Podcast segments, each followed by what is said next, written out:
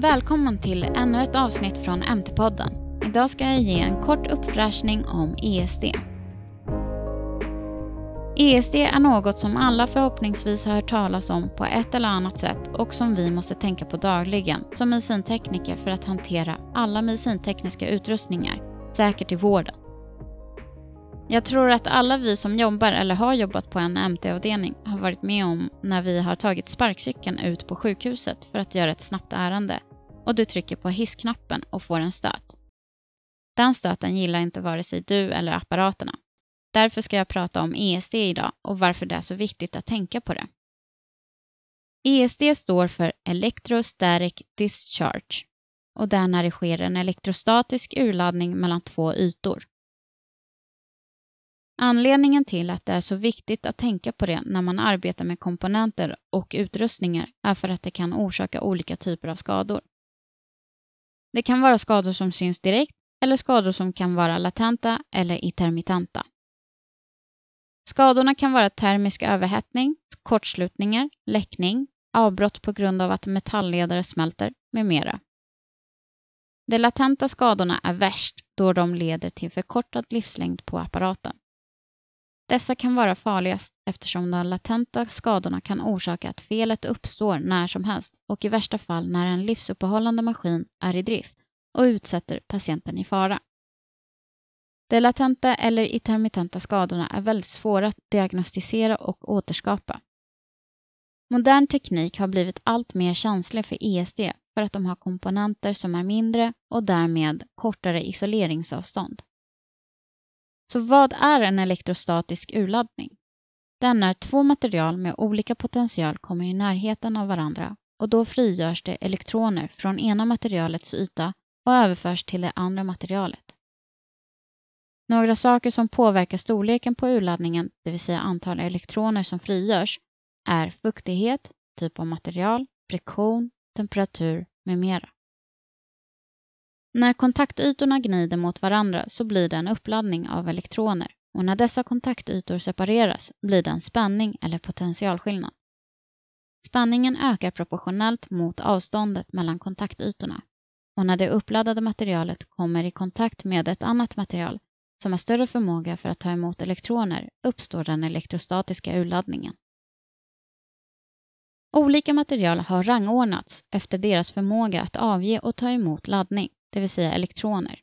Rangordningen kallas för triboelektriska serien och har tagits fram genom att man har testat att gnida olika material mot varandra. De materialen som är högst upp har lättast att avge elektroner och ju längre ner på den listan desto lättare har materialet att ta emot elektroner. Om du jämför en stöt mellan nylon och teflon med en stöt mellan papper och teflon kommer du se att stöten är kraftigare om teflon gnids mot nylon detta för att nylon har lättare att avge elektroner än vad papper har. Urladdning sker väldigt lätt när det uppladdade materialet kommer i kontakt med ett annat material som gärna tar emot elektroner. Det här kan då sättas in som att människokroppen är materialet som lätt laddas upp och laddas ur snabbt när det kommer i kontakt med metall, speciellt jordad metall. Därför är det farligt att ha på komponenter då den spänningen leds genom till jordningen. För att förstå hur stor skada det blir när man tar på komponenter utan ESD-skydd så behövs det cirka 50 volt för att den känsligaste komponenten ska skadas och det krävs cirka 3000 volt för att en människa ska känna en stöt. Ett område som är avsedd för att hantera ESD-känsliga komponenter eller utrustningar kallas för EPA-område och står för ESD Protected Area. ESD kan påverka en krets på fyra olika sätt. Direkt, induktivt, kapacitivt och genom elektromagnetisk strålning. Om du lägger ett skadat kretskort under ett mikroskop och zoomar in kan du se fysiska skador som liknar en bombnedslag. Fragment som har flygit iväg från dessa skador kan även orsaka kortslutningar runt i kretsen. Och hur kan man förebygga mot ESD?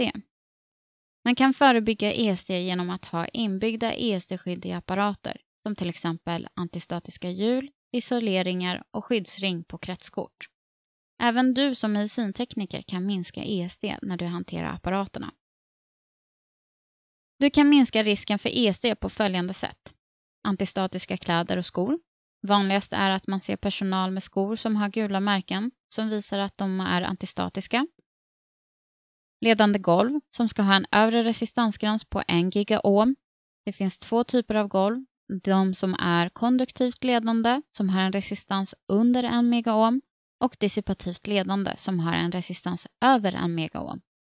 Dissipativt betyder att något avtar och i ESD-sammanhang betyder det att golvet avleder statisk elektricitet vilket gör att det blir mindre potentialskillnad mellan dig och kretskortet vilket förhindrar urladdning som kan skada komponenter.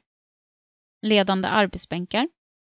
Oftast finns det så kallade ESD-mattor och tillhörande armband, en megaohm, som är kopplad till jordningen som du ska använda när du ska hantera mindre apparater, som till exempel infusionspumpar. Du kan även koppla mattan till utrustningens jordningspunkt för att arbeta på en specifik plats på en större utrustning. Förvara känsliga reservdelar genom att lägga dem i speciella ledande påsar som har resistans. Oftast är de rosa eller skimriga. De rosa påsarna är behandlade och de skimrande påsarna innehåller metall.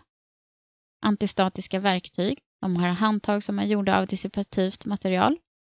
Avjonisering och luftfuktare i lokal eftersom ju torrare luft, desto högre uppladdningar blir det. Och undvika metall samtidigt som du utför service på apparaten på ett kontrollerat sätt. Sätt upp skyltar för att visa att det är ett EPA-område där det finns ESD-känsliga komponenter.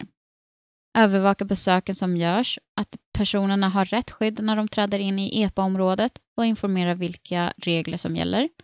Göra regelbundna kontroller av en utsedd ansvarig och i samband med kontroller är det bra att man har som rutin att rengöra mattor och arbetsbänkar med speciellt rengöringsmedel. Men bästa ESD-skydd du kan ha är att ha kunskap om det. Då är du mer medveten om hur det påverkar ditt dagliga arbete. Det finns standarder för ESD som är en vägledning för hur vi ska testa våra ESD-skydd för våra arbetsplatser. Den som är mest relevant och som jag kommer prata om heter IEC 61 340-5-1, skydd av elektronik. Den är framtagen för alla som jobbar på ett eller annat sätt med ESD-känsliga komponenter, allt från tillverkning till service, och det som är relevant för oss är hanteringen vid service. Standarden ställer krav på till exempel att du ska ha dokumentation för hur du hanterar ESD-skydd i din verkstad. I dokumentationen ska till exempel en plan som innehåller bland annat följande finnas. Jag tar inte upp allt eftersom en del är irrelevant för en MT-avdelning. Du ska i alla fall ha krav dokumenterade för saker som utbildning av personalen, typ vad som krävs och vilka roller som måste få utbildas.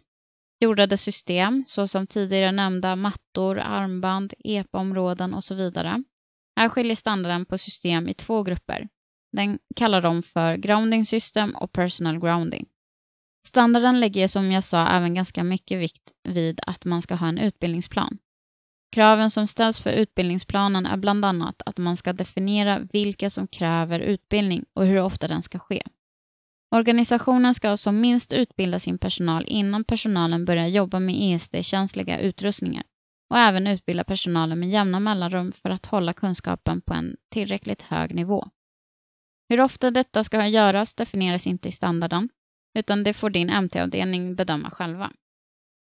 Utöver dessa saker så kräver även standarden att man upprättar en Compliance Verification Plan och innebär årliga kontroller av exempelvis armbanden eller liknande.